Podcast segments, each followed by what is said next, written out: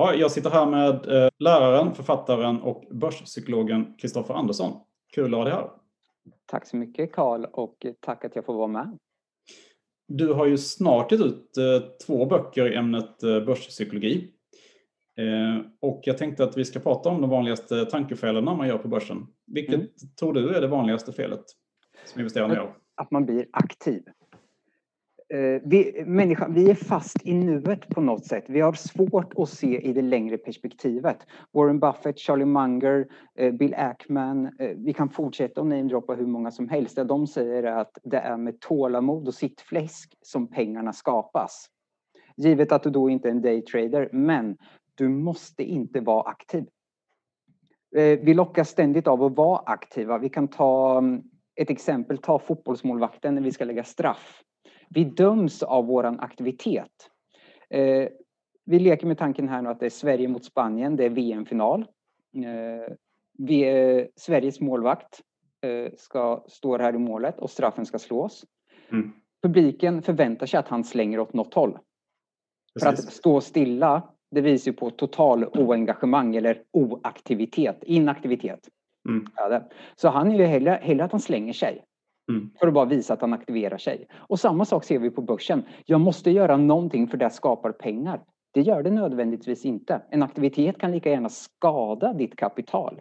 Mm. Så jag tror att det vanligaste misstaget är att folk inte förstår och vet att man måste ta ett steg tillbaka och faktiskt stänga av skärmen. Mm. Så skadlig aktivitet skulle jag vilja säga är en av de främsta mentala fallgrupperna som vi gör här på marknaden. Det är intressant, eh, för när det gäller, fotbollsmålvakt till exempel så är det väl det allra bästa att stå still i målet va? Ja, forskning har faktiskt visat på det. Mm. Eh, en annan rolig sak som man kan dra som en så anekdot på det hela, det är ju eh, jag tror vi är många, nu är det inte många som har flugit det senaste året, men föreställ dig att du ser, du gillar ju att flyga vet jag och eh, jag kan tänka mig att du kommer väl vara först i kön när det är dags att flyga igen. Ja, ja jag gissar det. Ja, eh, och du har säkert sett det när du har stått i, för att båda planet att det har kommit någon lite stressad och försökt tränga sig fram eller försökt skynda på kön lite så att han kommer på planet lite snabbare. Ja, jo. Ja. Kommer planet att lyfta snabbare bara för att han kommer på snabbare? Nej, knappast. Total onödig aktivitet, eller hur? Planet mm. kommer att lyfta ändå. Mm. Har du investerat i bra bolag, sitt still. Planet kommer att lyfta. Det kommer inte lyfta snabbare för att du köper, säljer, köper, säljer och därmed försöker tajma marknaden. Stå i kön, vänta till planet har bordat, allt är klart, flygvärdinnan har ropat ut vad som kommer serveras, hur lång tid det kommer ta etc. Njut av resan. Det är ett jättebra tips. Mm. Ja. Mm, det, det, ska jag ta med mig.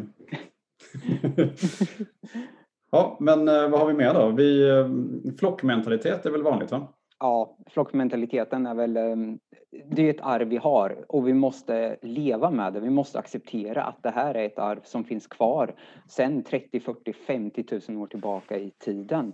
Människor, alltså vi människor, vi är ett djur. Vi är ett mm. däggdjur. Vi mm. måste komma till sans med det. Vi tror att vi är väldigt rationella, utvecklade etc. Men det som har utvecklats, det är ju faktiskt tekniken att vi kan beställa hem mat, att vi kan se vilken serie vi vill på Netflix. Allting med lite knapptryck och lite appar och helt plötsligt är allt serverat. Men till syvende och sist så lever hjärnan kvar på savannen. Där vi var för 30 000 år sedan. Och frågan är, klarade du dig ensam för 30 000 år sedan på savannen? Svar nej. nej. Det gjorde du inte. Det fanns för mycket farliga djur, fientliga stammar. Tänk så människans primära uppgift, vi ska få i oss föda, vi ska ha skydd och vi ska kunna sova och vi ska fortplanta oss. Gör allt det där själv på savannen. Det finns inget ICA vid varje gatuhörn, ingen Starbucks, inget sjukhus, ingen brandkår etc. Du måste göra allt själv. Alltså var du beroende av människor runt omkring dig, din flock. Därav ordet flockmentalitet och också tribalism. Från engelskan tribal. Eh, och om du varit utesluten ur gruppen var ju det lika med att du mer eller mindre varit dödsdömd. Så just därför var det ju viktigt att hela tiden följa med det gruppen gjorde, det gruppen tyckte och det gruppen trodde. Gick du emot gruppen, tack och hej, vi tar in någon annan i våran grupp. Vi håller oss till max 100-150 personer. Eh, och kunde du inte bidra, då var det tack och hej också. Så om vi nu ser, Embracer är ju tydligt väldigt aktuellt bolag nu som många tradar i. Ena mm. dagen så ska alla sälja, andra dagen ska alla köpa. Ja. Man kan se det i Twitterflöden, man kan se det i Facebook, man kan se det på Instagram etc. Och det är någon som säger att han har gjort det, någon annan tar efter och sen tar den tredje efter och den fjärde efter. För, någon, för den fjärde tror att den tredje vet och den tredje tror att den andra vet och den andra tror att den första vet. Mm. Man följer alltså gruppen istället för att ta ännu en gång ett steg tillbaka, fråga vad är min strategi? Hur långsiktig är jag? När behöver jag pengarna? Tror jag på bolaget? Och just det där med bolaget är intressant. Investerar du i aktien? Eller investerar du i bolaget? Ställ den frågan först. Så tror jag att du kommer få väldigt många svar på det här med flockmentaliteten. Men det är jätteintressant att se den där flockmentaliteten. Vi kan ju se när vi går och handlar på ICA. Eh, någon börjar köpa en produkt och säger ja, men han köper den, det måste jag testa också. Och sen ser alla att du köper den och så helt plötsligt har alla köpt den där kexchokladen med ny smak från Cloetta. Jag bara sitter och tänker här som eh, jag som ibland kan vara lite kortsiktig, i alla fall tidigare i mitt liv, tyckte jag att det var ganska intressant att tänka just sådär att vad kan bli just det här som folk hakar på då så att säga, när det gäller aktiehandel. Ja, mm. du tänker att man kan utnyttja lite Exakt. av Ja, eh, och då är vi lite på second level thinking här. Mm. Okej, okay. vad är det, det blir det väl, Ja, men second level thinking alltså. Du tänker att alla kommer att drabbas av flockmentalitet och nu ska jag utnyttja det. Alltså jag tänker ett mm. steg före. Precis. Ja, exakt. Eh, då får väl du vara den som skapar flocken då. Då får du börja tweeta och skriva jättemycket om ett visst bolag och se till att alla bara följer det. Mm. Men eh, absolut kan man glida på den. Jag märker man här nu, det är väl då man är inne i det här med momentum och trender lite, för det är ju faktiskt en flock styr en aktie som ligger i ett bra momentum. Jag själv håller inte på med det så jag ska inte uttala mig för mycket men eh, det verkar ju vara en lyckad eh, strategi om du är duktig på det. I alla fall vad jag ser i flödet. Jag tänkte typ sådär om du, du ser att till exempel att Tesla-aktien går väldigt bra. Mm. Och då ser vi att det finns kinesiska eh, elbilstillverkare som kanske ännu inte har handlat upp jättemycket. Mm. Men, men, ja, men då köper du kanske de kinesiska elbilstillverkarna. Eh, och de har ju nu gått jättebra då, så att säga, de sista månaderna här. Mm. Eh, och det är ju för att folk då tänker Tesla kanske att det kan vara ja, billigare än Tesla och Tesla ju, har gått så otroligt bra. Att... Eh, då absolut, fast det är en flock, jag skulle nog säga då kommer vi in på en annan fälla som är ännu mer mm. intressant och det är ju faktiskt relativitetsbias.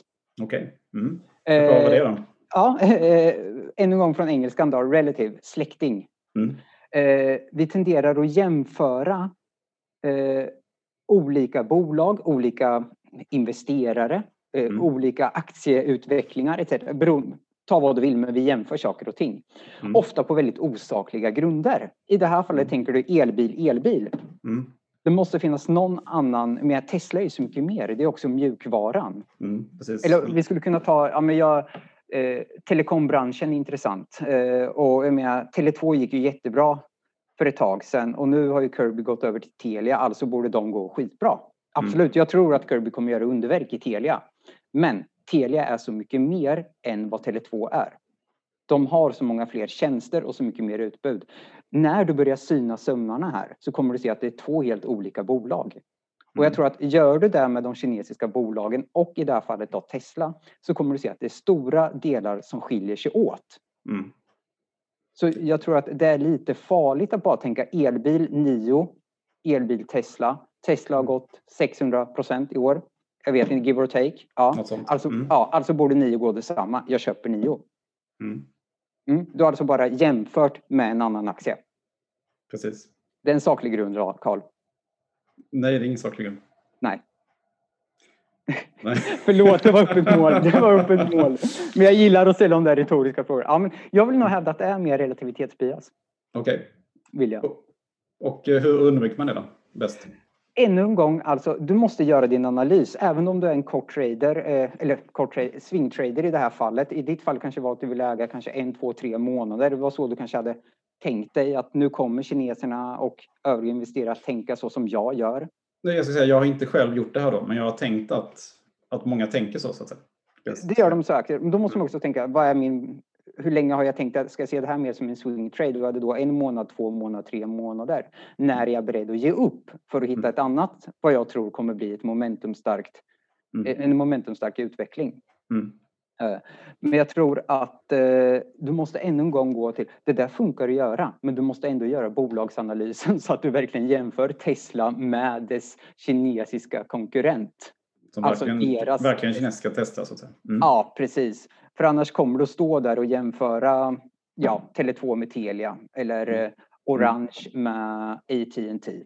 Mm. Alla inom telekomen, alla är verkligen skiljer sig åt på många olika sätt. Ja. Du, du var inne på det här med system 1 och system 2. Jag tänker bara att, eh, kan du förklara det en gång till? Absolut, det är lite av mitt favorit och det är ju faktiskt all ära ska ju gå här till Daniel Kahneman som eh, var den som tillsammans med forskningskollegor kom och introducerade detta. Och mm. det beror ju på hur våran hjärna är uppbyggd.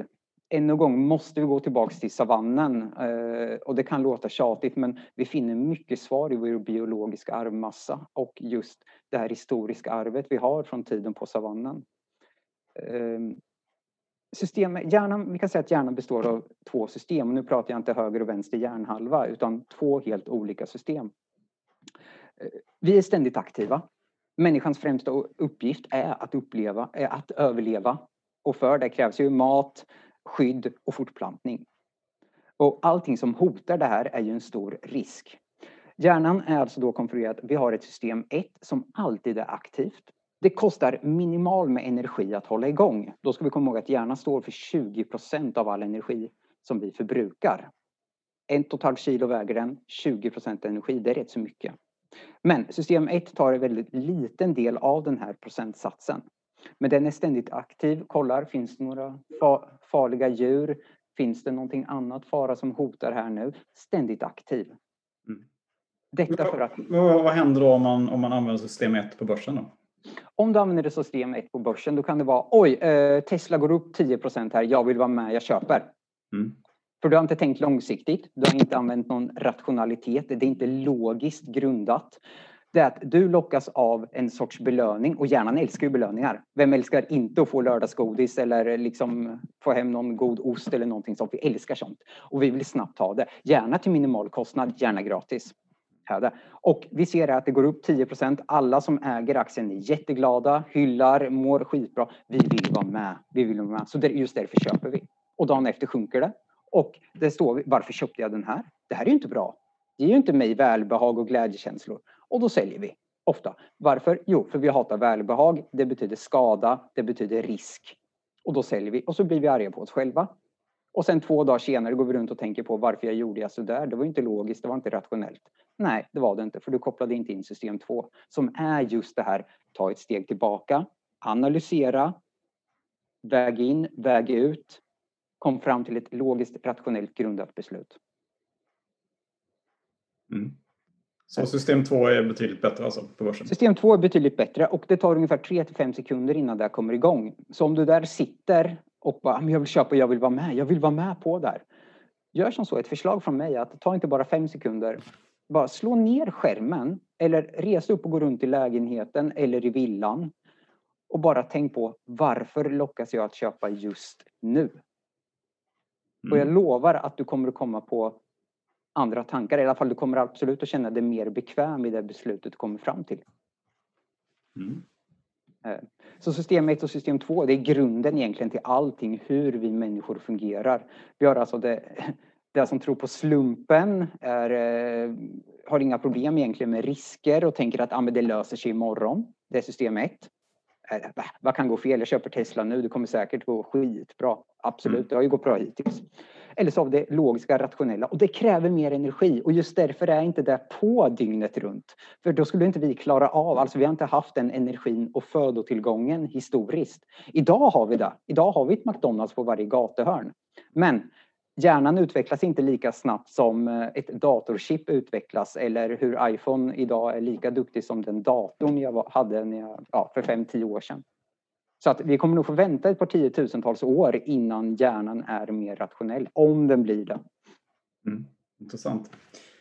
Eh, jo, eh, jag tänkte på um, jag tänkte på det, även om du slår på aktiv, alltså system 2 då, eh, mm. så kommer du ändå göra många felinvesteringar gissar jag. Det är ju ändå eh. ingen garanti för att du kommer att göra bra affärer. Nej, men det handlar väl egentligen om att begränsa nedsidan och öka sannolikheten för bättre avkastning. Mm. Eh, och här vill jag hävda att system 2 som vi kan se som sköldpaddan kommer att vinna över haren. Mm. Jag, tror vi, jag tror var och en säkert känner till, dels kan gå till sig själva när man har varit den där som ryckts med i stunden, köpt och sen faktiskt direkt efter kommit på att det här var ju riktigt dåligt. Mm. Uh, och sen får man ofta sälja med förlust och vi får höra extrema mer hemska berättelser som man kan få läsa om. Det folk har köpt för att ja, det fanns ingen grundlig analys för det hela. Uh, mm. Och varför har man gjort det? Ja, nummer ett, du har lockats av system 1. Det kan vara konfirmationsbias. Du tror på Tesla, du läser bara positivt om Tesla hela tiden och det konfirmerar ju bara dina eh, initiala... Eh, det måste vara otroligt vanligt va? Visst måste det vara det, ja. Mm. Eh, ännu en gång, vi hatar att känna obehag. För att hålla på med obehag, då måste vi tänka aktivt för att bli av med obehaget. Och än en gång, tänka aktivt betyder mer energi, energi som vi haft ont om historiskt sett. Mm. Och just därför gillar vi att höra bara positiva saker och sånt som konfirmerar det vi redan tar för givet. Så det är väldigt lätt att om du nu eh, ska investera i Tesla, du börjar läsa positiva analyser om Tesla. Du börjar vara inne på forumet och bara läsa de som är positiva. Alla andra som skriver faktiskt sakligt grundat riskerna med bolaget och därmed aktien tar du för troll. Det är troll. De kan ingenting. De fattar ingenting. Nej, men de förstår ju inte potentialen. Nej, nej, alla andra här inne som tycker som jag har rätt. Det är bra. Och det här med konfirmationsbias bottnar sig också i det som kallas för skottomisation. Okay. Vad är det för det, det menas alltså att eh, du du ser vad du tror. Om du tror att Tesla är nu liksom världens bästa elbilsbolag och det kommer att ta över världen och marknaden, då kommer du att se tecken som konfirmerar du kommer eh, hjärnan på ett sätt skala bort, målar över allt det negativa. Du har redan, tror du på ufon, då är det ufon du kommer se när du ser något mystiskt moln uppe på himlen. Mm. Medan jag som inte tror på utomgalaktiskt liv kommer tänka att det är väl något flygplan eller någon ny sorts arméuppfinning av något slag, ingen aning. Mm. Men inte tusan är ett ufo. Det där låter som man, man själv har fastnat i många gånger faktiskt. Mm. Mm, ja, men det, det, är jättevanligt. Och just det där att du säger att du har fastnat i det, det tror jag är en jättebra styrka. Att man faktiskt är öppen mot sig själv och erkänna, jag är inte störst, bäst och vackrast. Jag är inte perfekt. Jag är verkligen inte det. Jag har gjort alla de här fällorna som jag skriver om och som vi diskuterar här nu. Och jag kommer absolut fortsätta att göra dem. Men mm. jag tror att jag kommer fortsätta göra dem i mindre grad och i mindre uppfattning. För, för varje, jag ser till att dra lärdom av varje mina jag går på. Jag kommer nog aldrig, jag kommer aldrig att bli perfekt och immun mot allt det här. Men jag kommer absolut att bli bättre och det ökar sannolikheten för att jag kommer att uppnå en bättre totalavkastning med årens gång. Så jag tycker det är en jättebra styrka att du säger det, Carl.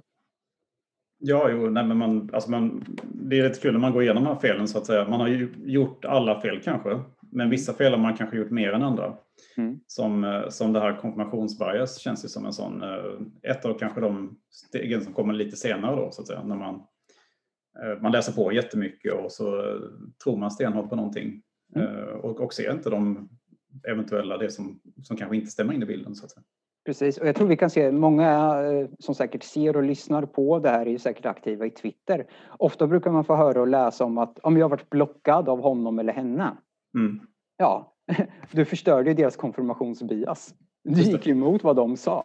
Jag menar, så att, eh, bara en sån sak är ju ett tydligt tecken på den här konfirmationsbiasen. Mm. Uh. Men du, vi måste väl prata lite om det här med eh, förlustaversion också va? Ja, det är klart. Det är väl rätt så vanligt att man liksom eh, Människan har ju, alltså ännu en gång, att förlora det gör det, så himla ont. Det är det värsta som kan hända. Ja, det är det värsta som kan hända. Mm. Eller hur? Mm, även, om, även om förlusten i absoluta termer inte är så jobbig kanske. Mm. Men vi tänker hela tiden i relativa termer. Och här är det viktiga att tänka mer i absoluta termer. Om du nu befinner dig i en situation, du har investerat i, ehm, vad ska vi ta för? Säg Kindred. Säg. Kindred. Mm. Eh, Och du var en av de som köpte det på 90 när den gick under 100 tänkte wow, nu är det ju världens köpläge. Idag handlas den till Mm. vadå? 70, 71, 72 Jag, kronor. jag, jag bottenfiskade kan man säga. Ja, du bottenfiskar och det har sjunkit. Mm. Eh, och då ligger du här ett par procent minus. Mm. Har du. Du har hittat ett annat bolag som du här, du är påläst, du kan allting. Du vet att hade jag bara pengar, investerar jag här. Jag är 100% säker på, ja, 99% säker på att jag kommer ha minst 15 till 20% avkastning på ett år. Men jag har inga pengar. Jag har det om jag säljer Kindred. Mm. Du kommer att undvika att göra det för att det svider för mycket. Det är ett bevis, du tolkar det som ett bevis på att du är dålig, svag och oönskad. Alla andra på savannen, förstå Twitter, investerarkollektivet, Avanza Forum etc. Mm. Du tror att de kommer se som att Karl, du är så himla dålig, vi vill inte ha med dig i gruppen. Ut Mm. med dig på savannen, lycka Mm. till. Mm. Det. Så att det kopplas ju också till flockmentalitet. Men om du nu vet här att relativ vinsten och relativförlusten, alltså vinsten kommer faktiskt vara högre än den absoluta förlusten i Kindred. Då, då är det ju logiskt grundat att du faktiskt tar förlusten, investerar i det här nya bolaget du har hittat och då om eh, den här profetian slår in så står du där med en total vinst efter Mm. ungefär ett år. Men förlust är lika med att du är värdelös, sämst, ingen vill veta av dig, du tycker illa om dig själv, alla andra tycker illa om dig, ingen vill ha dig i sin stam på savannen. Där har du grunden. Eh, roligt faktum, vi lever inte på savannen idag. Och ett annat roligt faktum är att vad är det som säger att du inte kan resa dig innan domarna har räknat till tio? Det, jag älskar det här citatet av eh, Rocky Balboa. Det, liksom, det handlar inte om hur hårt du kan slå. Det handlar om hur hårt du kan bli slagen och fortfarande resa dig upp. Mm. Så att ja, du ska inte vara främmande och ta en förlust så länge du finner den sakligt analyserad framställd. Mm. Jag har tagit en jättestor förlust i mitt liv. Jag tog den för ungefär två, två och ett halvt år sedan. I vad då? Ska jag helt ärlig och säga, det var H&M. Okej. Jag låg, där gick, eh, när de kom med sin rapport i februari, kan det ha varit 2018. Mm. Jag för mig det var då eh, och kände att nej, det var droppen. Jag hade gett dem tillräckligt med tålamod. Eh, Än idag var det, finner jag, kursen har inte gått. Idag hade jag haft mer pengar om jag hade legat kvar just i H&M. Men för pengarna svart över köpte jag Latour, Bure, Svolder med mera. Alla de har jag över 100% avkastning i idag. Mm. Så det var Vi jätte, jättebra beslut. Mm. Det var, det var ett bra beslut. Sen vet jag inte, nu kanske alla de här rasar de närmsta veckorna. Men jag är så långsiktig så att vi får återkomma om 10-15 år. Mm. I H&M's fall, varför var jag inte långsiktig där? Jag bedömde där liksom att jag kommer få ligga stilla enormt länge innan jag ens får en positiv utveckling här. Mm. Vilket har än så länge visat sig vara korrekt. Du, om, vad finns det mer för eh, misstag man kan göra på börsen? Det finns mycket, men någonting som, eh, som jag skriver om mer sen också i eh, min kommande bok. Eh, Vi kan ta det är både endowment effekt men också den här fooled by randomness, lurad av slumpen. Vad är det för något? Då? Det är från eh, Taleb här som introducerar att eh, vi människor har en tendens att alltid hylla oss själva när det går Mm. bra. Mm. Om du nu, vi leker här med tanken, du har inte gjort någon direkt hemläxa på Nio. Du tänker ännu en gång med det här med relativitetstänket att Tesla går bra, Nio borde gå bra. Mm. Köper. Du vet att en elbilsleverantör eh, och producent, du kan egentligen ingenting mer. Mm. Och så går det riktigt bra här på två, tre månader. Mm. Och du säljer. Du har kört ditt momentumrace, du har lyckats. Grattis Carl, du har 20-25 procent där. Det är till och med 100 i dagens tider. Allt under 100 är ju dåligt idag. Ja, just det. Eh, och kör på. Och sen gör du samma sak igen Mm. med något helt annat bolag. Men den här gången blir det 30% minus efter tre månader. Ja. Ja. Då kommer du att tycka att det var otur. Mhm. Mm. Ofta när det går bra så tror vi oss själva vara orsaken till det. Och i många fall är det som så, men inte alltid. Långt ifrån alltid. Det finns alltid en gnutta tur med i allt vi gör här i livet. Så det är en form av hybris då, du menar? Eller? Det är en form av hybris, absolut. Och sen väldigt härligt att bara säga att det var otur. Mm. Okej, okay, ja. Den var ju, tänk att vara fondförvaltare och sen du liksom här investera bort 30 procent. Skriver du då i ditt investerarbrev, det var otur. Jag skulle ju sälja den. Skulle Erik Sprinchorn och eh, eh, Karl Armfelt här skriva där, jag investerar i TIN-fonder, skulle de skriva skulle jag sälja direkt. Det var otur. Mm. Mm. Nej, så att det är full by randomness alltså. Även om det går bra, tro inte att det är du som är orsaken till allting. Du har gjort en analys, bra, men också bolaget har gjort sitt jobb. Bolaget har haft tur, kanske vunnit någon upphandling som det egentligen kanske inte skulle ha vunnit, haft tur med att konkurrenter har gått dåligt. Det finns mycket som spelar in. Så absolut, ge dig klapp en, en klapp på axeln. Men kom ihåg, turen finns där. Ja, men det finns, eh, finns ju massa fel man gör på börsen som vi alla gör och eh, vi försöker alla bli bättre på dem. Och, ja, men eh, tusen tack för att du ville ställa upp på en intervju om, eh, om de vanligaste felen vi gör som investerare, Kristoffer. Tack var... så mycket att jag fick vara med. Ja, vi får säkert tillfälle att återkomma också senare. Det hoppas jag. Och eh, vi kommer väl säkert höras både på Twitter och på något annat sätt. Men jag vill önska en eh, god jul och gott nytt år och hoppas att du får en fin börsavslutning också. Ja, men tack detsamma på allt det där. Mm. Hej då. Hej då.